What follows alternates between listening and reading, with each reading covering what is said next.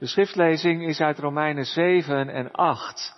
Het is op verzoek van de Bijbelkringen, die dit jaar het tweede gedeelte van de Romeinenbrief gaan behandelen uit een boekje wat ik daarover geschreven heb, of ik dan over Romeinen 8 wilde preken, ook een beetje om die serie te openen. Ik denk niet dat ik anders voor deze stof gekozen had. Het is ook niet heel gemakkelijk. Dus we zullen onze aandacht en concentratie nodig hebben. Ik zal mijn best doen om het zo eenvoudig mogelijk uit te leggen. Maar dat begin van hoofdstuk 8 heeft ook alles te maken met het slot van hoofdstuk 7. En het gaat daar steeds over de wet. Waar de apostel Paulus ook een beetje mee speelt. Met het woordje Torah. Het woordje wet. Hoe zit dat nou eigenlijk? Die wet van God is goed. Gaat heel hoofdstuk 7 eigenlijk al over. Maar ik ben niet goed. Er is ook een wet in mij die strijdt tegen de wet van God. Nou, we lezen niet het hele hoofdstuk, dat zou een beetje te veel worden, maar we vallen zomaar een beetje middenin, in vers 18, en dan lezen we door tot en met vers 11 van het volgende hoofdstuk. Romeinen 7, vers 18. Want ik weet dat in mij, dat is in mijn vlees, niets goeds woont. Immers, het willen is er wel bij mij. Maar het goede te doen, dat vind ik niet. Want het goede dat ik wil, dat doe ik niet. Maar het kwade dat ik niet wil, dat doe ik. Als ik nu dat doe wat ik niet wil, breng ik dat niet meer teweeg, maar de zonde die in mij woont. Ik ontdek dus deze wet in mij. Als ik het goede wil doen, is het kwade dicht bij mij. Want naar de innerlijke mens verheug ik mij in de wet van God. Maar in mijn leden zie ik een andere wet. Die strijdt tegen de wet van mijn verstand en mij tot een gevangene voert, die strijd voert tegen de wet van mijn verstand en mij tot een gevangene maakt van de wet van de zonde die in mijn leden is. Ik ellendig mens. Wie zal mij verlossen uit het lichaam van deze dood? Ik dank God door Jezus Christus onze Heere.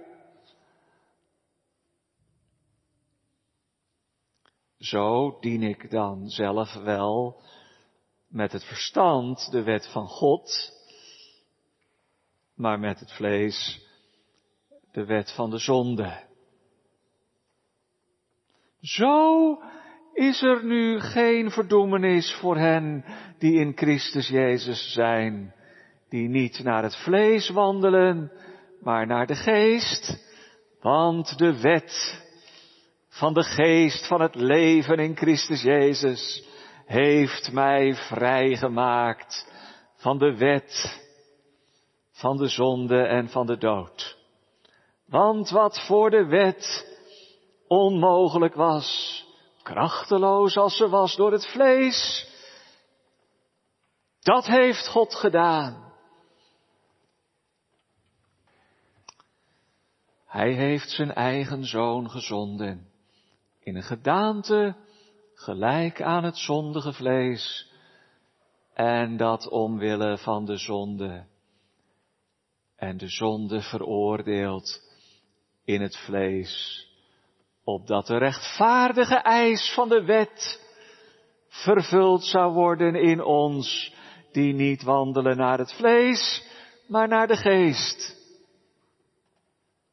Immers, zij die naar het vlees zijn, bedenken de dingen van het vlees, maar zij die naar de geest zijn, de dingen van de geest. Want het bedenken van het vlees is de dood, Maar het bedenken van de geest is leven en vrede. Immers, het denken van het vlees is vijandschap tegen God. Het onderwerpt zich namelijk niet aan de wet van God. Want het kan het ook niet. En zij die in het vlees zijn, kunnen God niet behagen. Maar u bent niet in het vlees, maar in de geest. Wanneer tenminste de geest van God in u woont. Maar als iemand de geest van Christus niet heeft, die is niet van hem. Als Christus echter in u is, dan is het lichaam wel dood vanwege de zonde. Maar de geest is leven vanwege de gerechtigheid.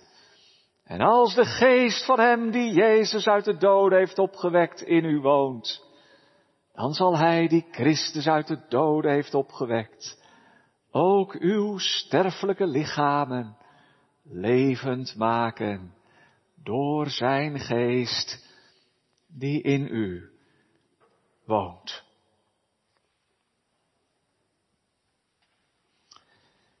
Jongens en meisjes, als je ergens naartoe wil en je hebt haast, dan ga je misschien hollen. Maar je weet het wel, hè, als je heel hard rent, dan is er altijd een gevaar dat je struikelt en valt. Het is eigenlijk veel veiliger om te wandelen. Daarom gaat het in de Bijbel, als het om het leven met God gaat, dan hoef je geen haast te hebben. Zij die geloven haasten niet, staat ergens in de Bijbel. Gaat het vaak over het wandelen. Het wandelen met God, het wandelen in de wet, het wandelen in de waarheid. Wandelen, dat doe je voor je plezier, dan heb je geen haast. Zo zit er iets heel moois in die gedachte van het wandelen met God. Niet hardlopen met God, ook niet kruipen met God. Hoewel, soms moet je wel op je knieën, om te bidden. Maar als je kruipt, dan kom je niet vooruit. En dan duurt het zo lang voordat je ergens komt. Nee, de Bijbel zegt, wandelen met God.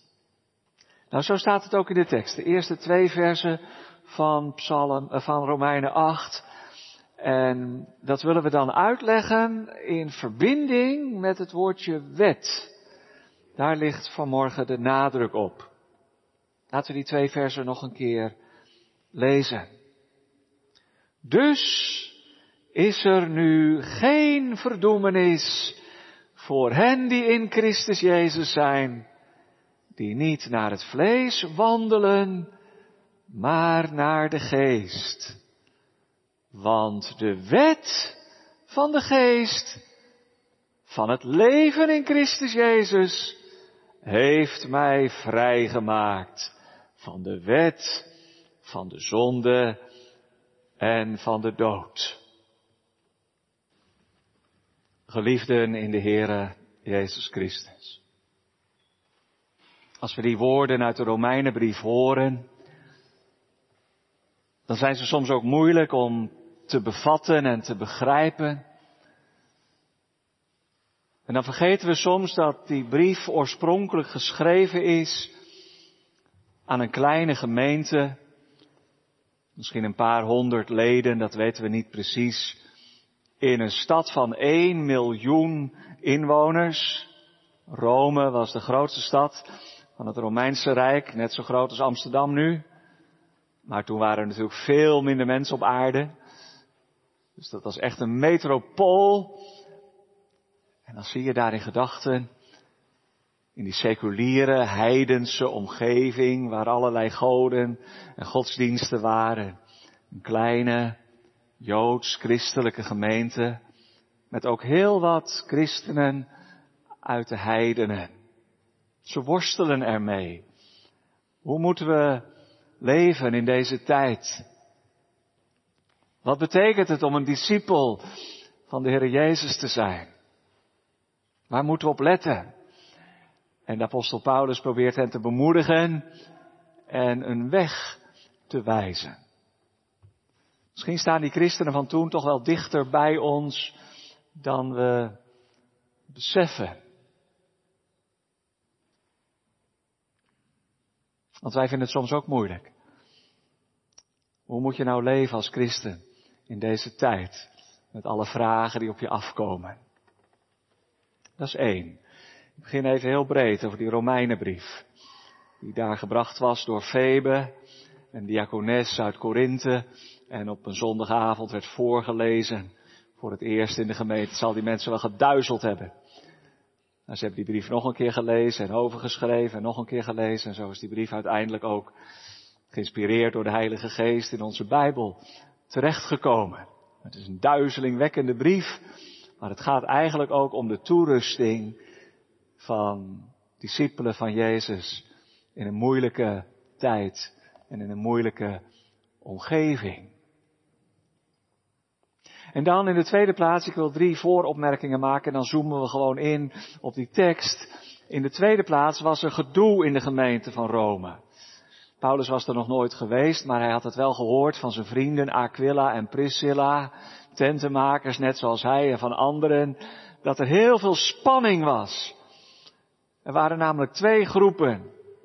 Ik noemde het net al, Joodse christenen, Messias beleidende Joden, en christenen die geen Joodse achtergrond hadden, maar geloofden in de Messias Jezus. Twee bloedgroepen. En dan was het ook nog zo dat onder de vorige keizer de Joden uit Rome verbannen waren. Dus waren alleen maar die christenen uit de heidenen overgebleven. Maar keizer Nero had de Joden weer terug laten komen naar Rome en ze waren ook teruggekomen. Maar die verhoudingen tussen die twee bloedgroepen waren ook verstoord. Qua aantal. En hoe moet je goed met elkaar omgaan als je verschillend denkt over de besnijdenis, over de Joodse wetgeving, over het eten van het koosjere maaltijd, wel of niet vlees eten. Nou, al die vragen komen in het tweede gedeelte van de brief aan de orde. Maar Paulus wil eigenlijk maar één ding verbinden. En hij verbindt die christenen aan elkaar door ze te wijzen op de kern van het geloof. De Heer Jezus. Het maakt niet uit of je Joods bent of heidens van achtergrond. Als je in Christus bent, dan is het goed. En, dat is het derde, daarom neemt hij die tekst uit Habakkuk als uitgangspunt. De rechtvaardige zal leven door het geloof alleen. En dat werkt hij dan verder uit. In de eerste helft van de Romeinenbrief, en als u zich daar nog iets van herinnert, in het eerste boekje over de Romeinenbrief, dan werkt hij dat uit door het te betrekken op Christus. Waar Habakkuk over spreekt, de rechtvaardige, die leeft, dat is de Heer Jezus. Hij is opgestaan. Hij leeft. Hij leeft. Want Hij is de enige rechtvaardige. En je hoort het ook in het laatste vers dat we gelezen hebben. Laat ik dat toch nog even voorlezen. Als de geest, de heilige geest van Hem die Jezus uit de doden heeft opgewekt, in jullie woont, dan zal Hij die Christus uit de doden heeft opgewekt ook jullie sterfelijke lichamen levend maken door zijn geest die in u woont. Met andere woorden, kern van de Romeinenbrief, Jezus leeft en wij met Hem en in Hem en door Hem en voor Hem. Jezus leeft. Habakkuk had er al over geprofiteerd. En nu Jezus leeft, jongens en meisjes, woont de Heilige Geest van God in iedereen, of je nou Joods bent of niet, iedereen die gelooft in de Heer Jezus. Daar woont en werkt God zelf door zijn geest in het hart. Als ik jullie zou vragen, jongens en meisjes, een van de vragen in het boekje. Waar woont de Heere God? Dan zouden jullie allemaal zeggen, dominee hij woont in de hemel. En dat is waar. Dat heb je als kind misschien al geleerd van papa en mama. Waar woont God? En dan wees je naar omhoog. De Heere God woont in de hemel. Maar weet je wat apostel Paulus zegt? De Heere God woont ook hier in de kerk. Nee, niet in dit stenen gebouw. Al werkt de Heere God hier wel. Op zondag. En woont Hij hier ook als we samen zingen tot Zijn eer.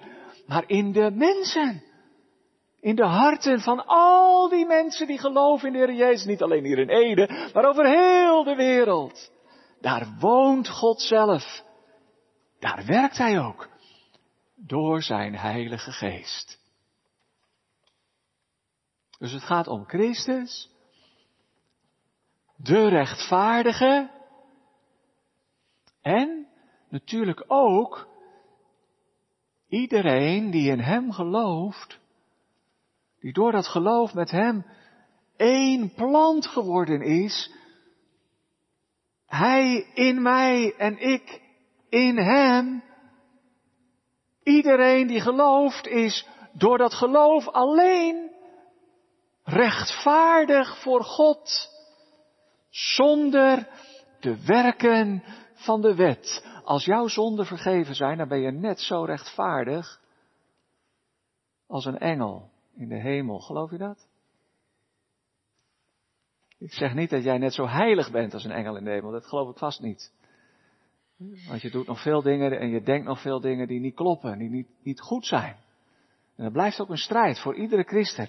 Maar als jij gelooft in de Heer Jezus, met heel je hart op Hem vertrouwt, als Hij alles voor je is, als je Hem niet kunt missen, dan ben je net zo rechtvaardig voor God, alsof je geen zonde gekend of gedaan had. Alsof je een engel in de hemel was.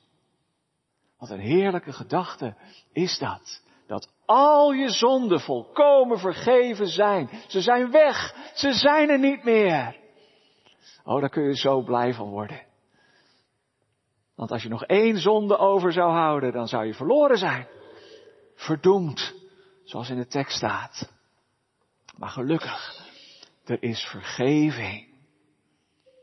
Door het geloof alleen, zonder de werken van de wet. Door het geloof alleen, zonder de wet.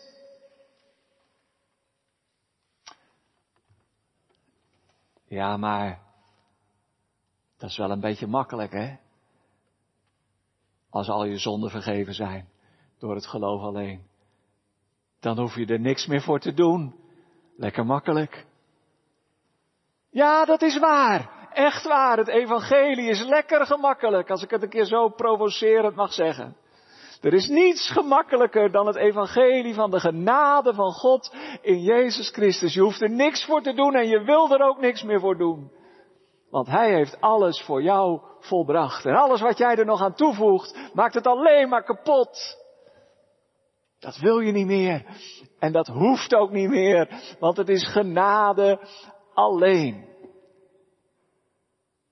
Eigenlijk is het zo als de verkondiging van het evangelie niet die reactie oproept, ja, maar zo gemakkelijk gaat het toch niet, dan kun je eigenlijk afvragen of het evangelie wel verkondigd is. Want het evangelie staat ook een beetje haaks op ons gevoel en onze behoefte om ook wat bij te dragen. Dus als het evangelie scherp verkondigd wordt, roept het altijd iets van weerstand op, ja, maar zo gemakkelijk gaat dat toch niet? Als die weerstand er niet is, dan wordt er maar een half gebakken evangelie verkondigd, ben ik bang ben een beetje scherp vanmorgen. Denk er eens over na. Maar, en dat is het onderwerp van vanmorgen, het is natuurlijk een vergissing om te zeggen dat alles maar mag en alles maar kan als je in Jezus gelooft. Dat is de grootste en gevaarlijkste vergissing die je kunt maken. Ook al in de Bijbel en ook in de kerkgeschiedenis. Want dan zie je vroeg of laat, en eerder vroeg dan laat, dat mensen helemaal los gaan zingen van een leven tot eer van God. Dan ga je wandelen naar het vlees. Nou, dat is niet best, dat is vijandschap tegen God. Dan komt er uit wat er ten diepste in zit. Maar hoe zit dat dan wel? En dan gaan we inzoomen. Hoofdstuk 7, slot. Hoofdstuk 8, die eerste versen. Want daar gaat Paulus spreken over hoe het dan wel zit met de wet van God. Een christen is vrij van de wet. Maar dan moet je wel goed begrijpen wat ik bedoel, zegt Paulus, anders ga je gemakkelijk de mist in. En dan gaat hij dan uitleggen. Dan speelt hij ook een beetje met dat woordje nomos in het Grieks, Torah in het Hebreeuws. De wet van God. Hoe zit dat precies? Een christen is vrij van de wet. Maar omdat de Heilige Geest van God en van Jezus, waar woont hij ook alweer? In je hart woont, ga je wonderlijk genoeg toch precies doen wat de wet zegt. Het is een beetje paradoxaal. Vrij van de wet en toch, zonder dat je dan denkt, nou ik doe het geldig goed en ik heb iets verdiend, dat niet, toch leven in overeenstemming met die wet. Dat doet de Heilige Geest en op de achtergrond staan natuurlijk de woorden van Jeremia 31, waar de Geest de wet niet meer schrijft op de stenen tafelen van Mozes, maar waar de Heilige Geest de wet schrijft in je hart. Alsof je zou zeggen,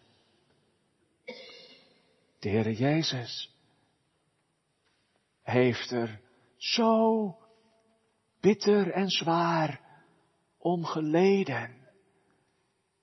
Dat jij zo vaak gevloekt hebt. Omdat je boos was. Wat heeft hem zijn bloed gekost? Wat heeft hem zijn leven gekost? Elke vloek die jij hebt uitgesproken, snijdt Jezus door zijn hart. Omdat hij van je houdt. Maar als je dat weet en dat beseft, wat het Jezus gekost heeft, dan zul je de naam van de Heere je God toch zeker niet meer ijdel gebruiken. Dan doe je dat toch niet meer? Dan kan dat toch niet meer? En zo geldt het van al die geboden van God. Door de Heilige Geest. Het doet gewoon pijn. De zonde doet gewoon pijn. Niet omdat je in jezelf teleurgesteld bent, want dat is misschien nog trots.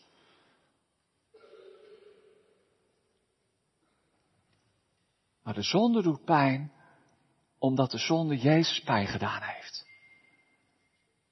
Dat is het werk van de Heilige Geest.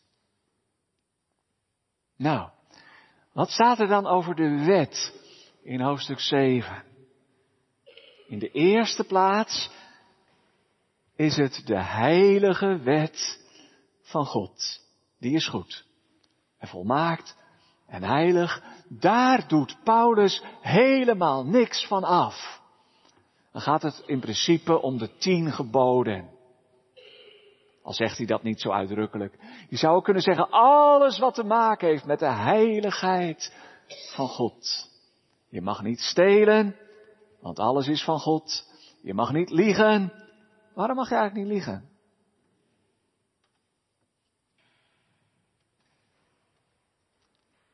Kunnen jullie daar antwoord op geven?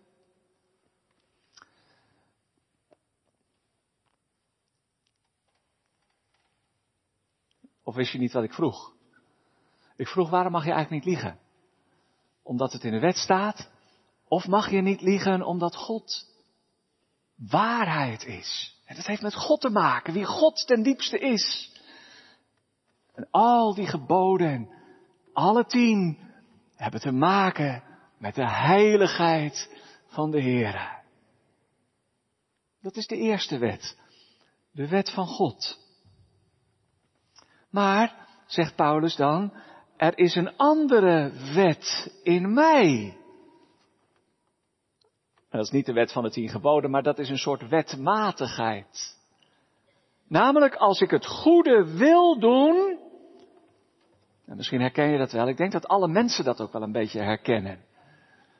Dan lukt het me elke keer niet.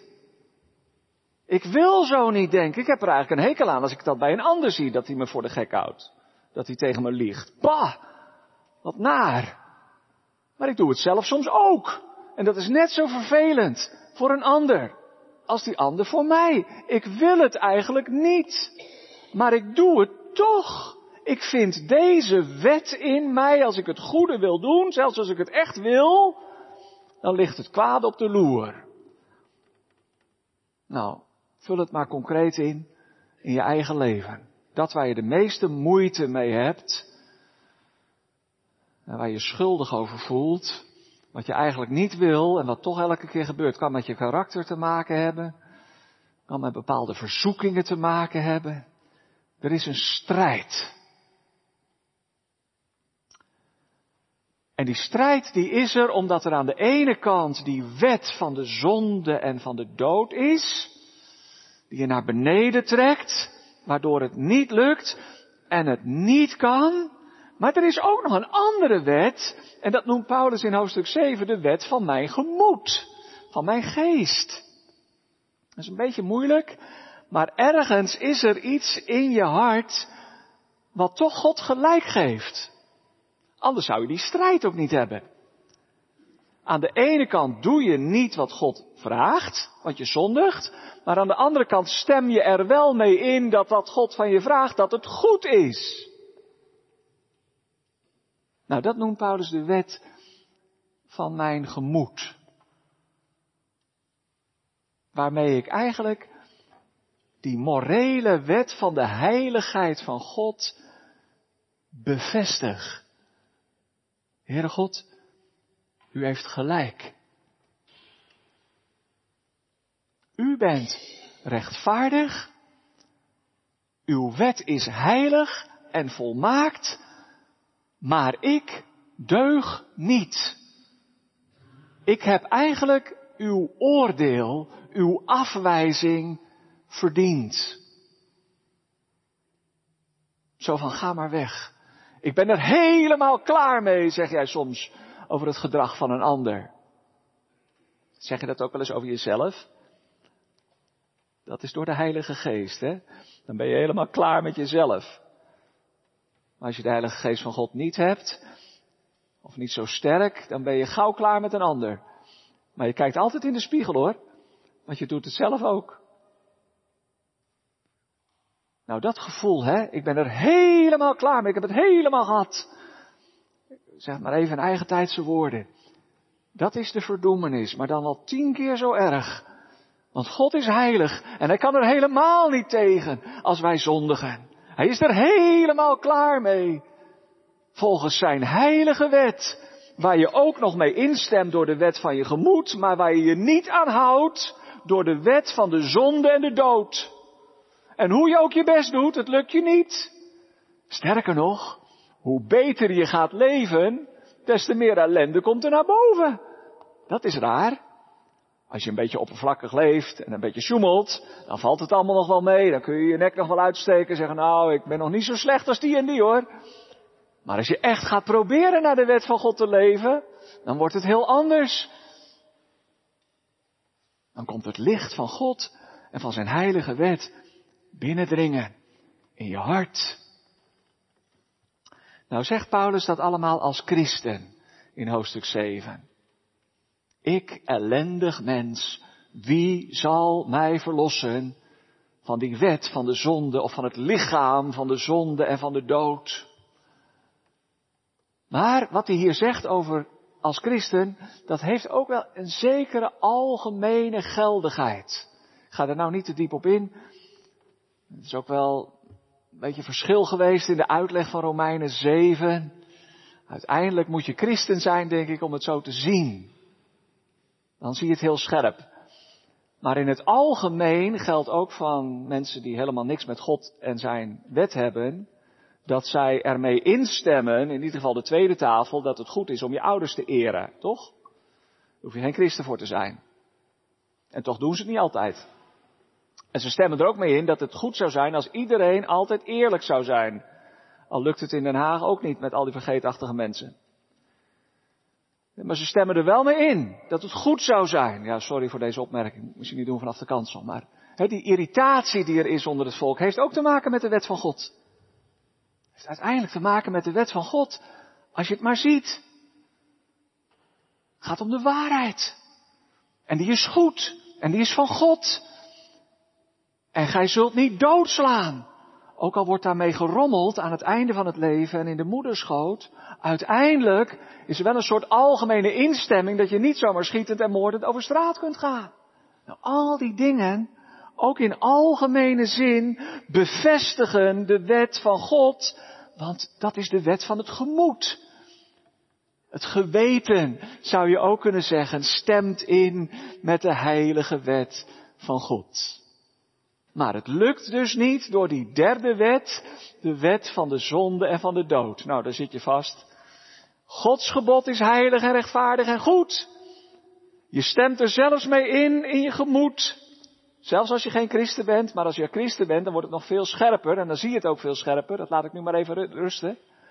En tegelijkertijd is de praktijk van alle eeuwen dat de mensen zich er niet aan houden, terwijl ze weten dat het goed voor ze zou zijn.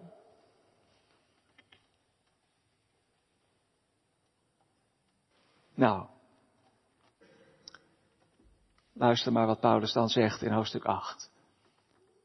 En zo is er dan geen verdoemenis voor hen die in Christus Jezus zijn. Die niet naar het vlees wandelen, maar naar de geest.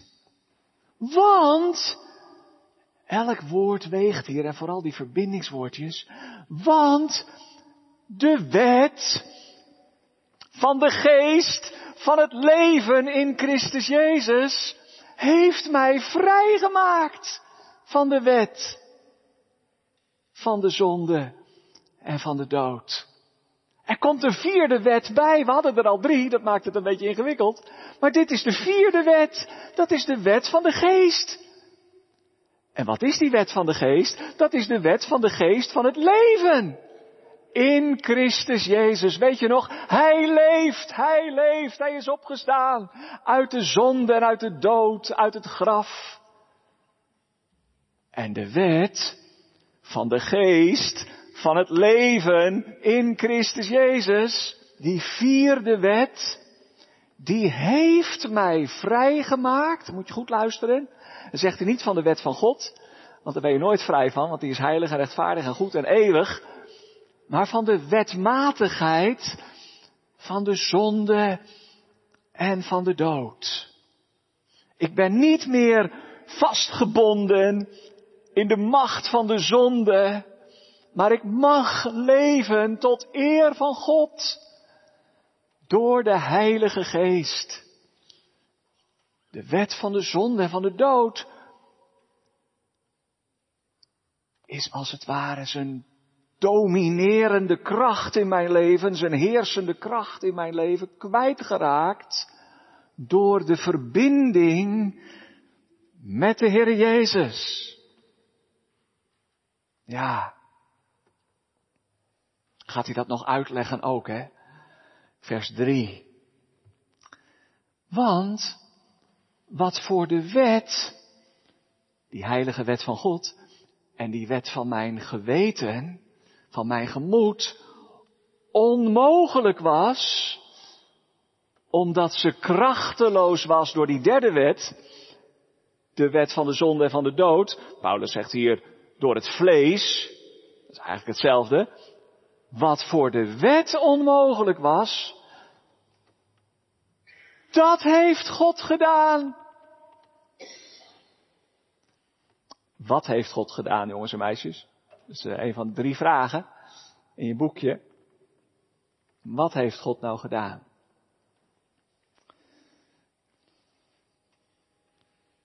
Hij heeft zijn eigen zoon gezonden. Dat heeft God gedaan. En daar is alles mee gezegd. Hij heeft zijn enige geboren zoon gegeven. In de gelijkmaking aan het zondige vlees. Want Jezus had ook een gewoon menselijk lichaam en hij had pijn en hij was moe en uit al de gevolgen van de zonde gedragen, omwille van de zonde, en zo heeft God de zonde veroordeeld in het vlees, in het lichaam van Jezus, opdat de rechtvaardige eis van de wet vervuld zou worden, in ons, in Hem, want we zijn in Hem, die niet naar het vlees wandelen, maar naar de geest. Nou, het zou me echt een half uur kosten om alle woorden uit te leggen. Dat ga ik dus maar niet doen. Het komt kort gezegd hierop neer. De wet van de Heilige Geest. Dat is wat God gedaan heeft in Christus. Zijn zoon gezonden en afgerekend met de zonde. En dat je door de Heilige Geest dan één plant wordt met Hem. Jezus leeft en ik met Hem en in Hem en door Hem en voor Hem. Daarmee is de strijd niet voorbij hoor. Want Romeinen 7 blijft gewoon staan. Ik ellendig mens. Paulus kende dat ook. Aan de ene kant wilde hij het goede en het lukte hem niet. En die twee wetten die strijden tegen elkaar. Maar zegt hij, dat is niet het laatste woord. Je moet eigenlijk leren leven met de Heer Jezus in dat nieuwe leven van zijn opstanding. Terwijl er heel veel strijd is in je hart, mag je weten dat je in Hem volmaakt bent en mag je ook uit Hem leven. Niet meer wandelen naar het vlees, want dat heeft de Heer Jezus zo'n pijn gedaan, de zonde. Maar wandelen in overeenstemming met de wet van de geest van het leven in Christus Jezus. De wet, nieuwe wet van de geest van het leven in Christus Jezus. En zo is er dus geen verdoemenis meer voor hen die in Christus Jezus zijn, die niet in overeenstemming met het vlees wandelen, maar in overeenstemming met de geest. Focus helemaal op dat wat God gedaan heeft in zijn zoon. Dat is genoeg. En vanuit die verbinding met de Heer Jezus ontstaat er dan ook een nieuw godzalig leven. Een leven niet van goede werken, van besnijdenis en kosher eten en al die andere dingen waardoor je jezelf identificeert als oprechte Jood. Dat is allemaal niet zo belangrijk. Maar ontstaat er een nieuw leven in overeenstemming met de heilige wil van God. Het gaat je nooit helemaal lukken. Het blijft een geweldige strijd. Je blijft zeggen, ik ellendig mens, wie zal mij verlossen uit het lichaam van de zonde en van de dood? Maar je moet er ook iets bij zeggen. Ik dank God door Jezus Christus, onze Heer. En terwijl je in een strijd verkeert, en vroeger zeiden ze, dat is je stand, en die kan wel eens wat wisselen, mag je weten dat het toch goed is in Christus, dat je zonden vergeven zijn, en dat je staat goed is. Staat en stand, dat zijn geen woorden die we vaak meer gebruiken in de preek. Laat ik een voorbeeld geven om het uit te leggen. We hebben een nieuwbouwhuis gekocht in Woudenberg. Dat is leuk, zo'n project.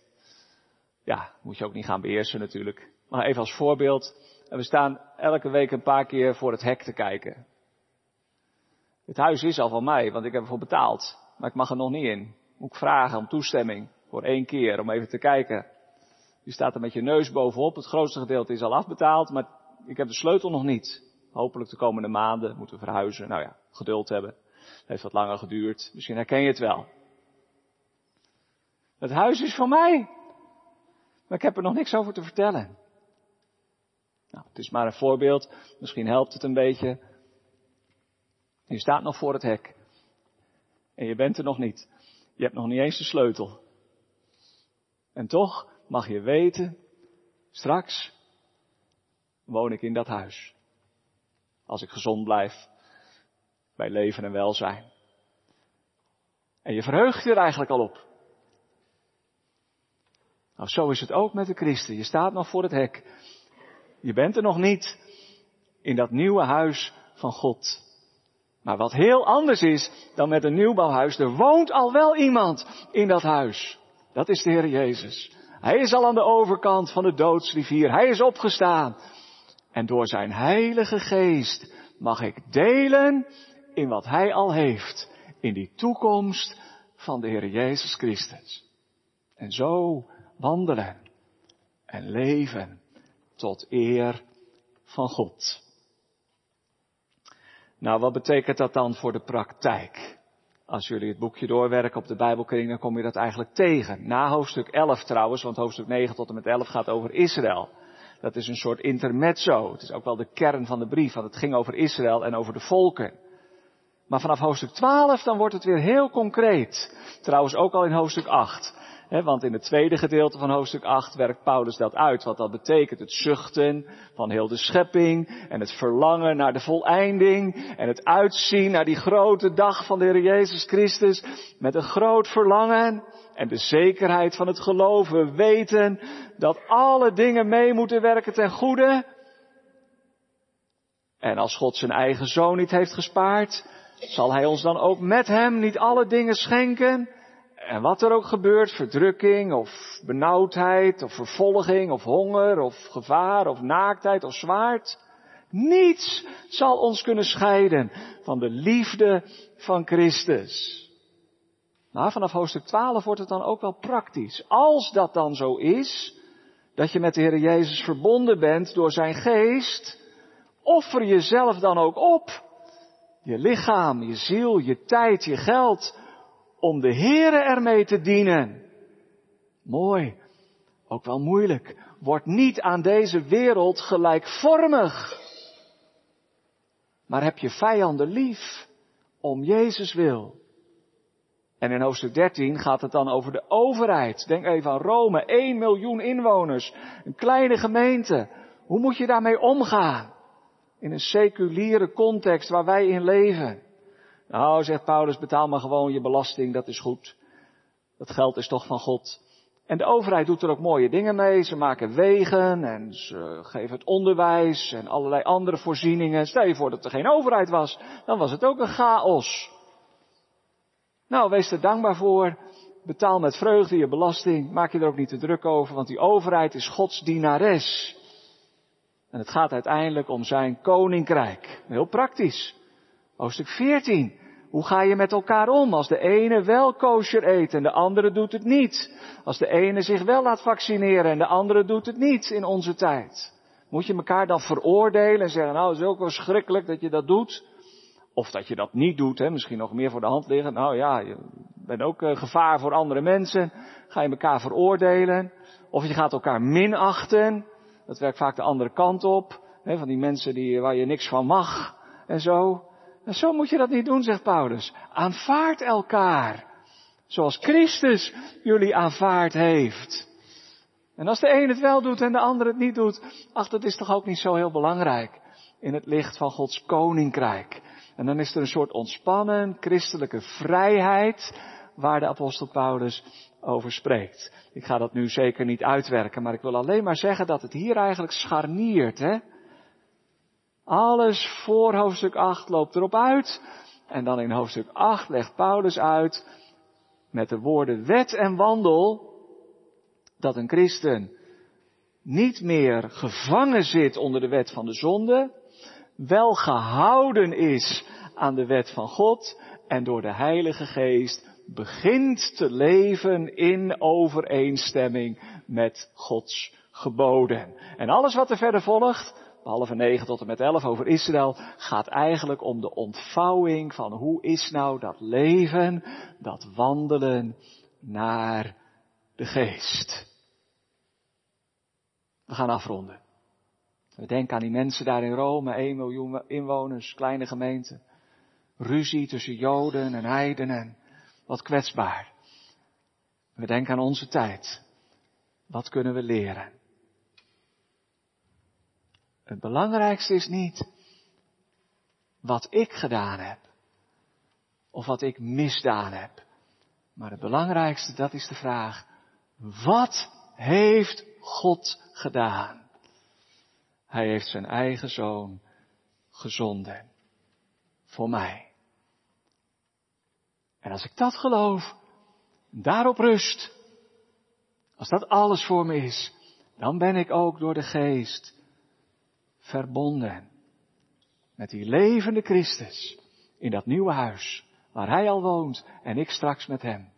En dan mag ik gewoon met alle gebrekken, met vallen en opstaan, leven uit die genade van Christus.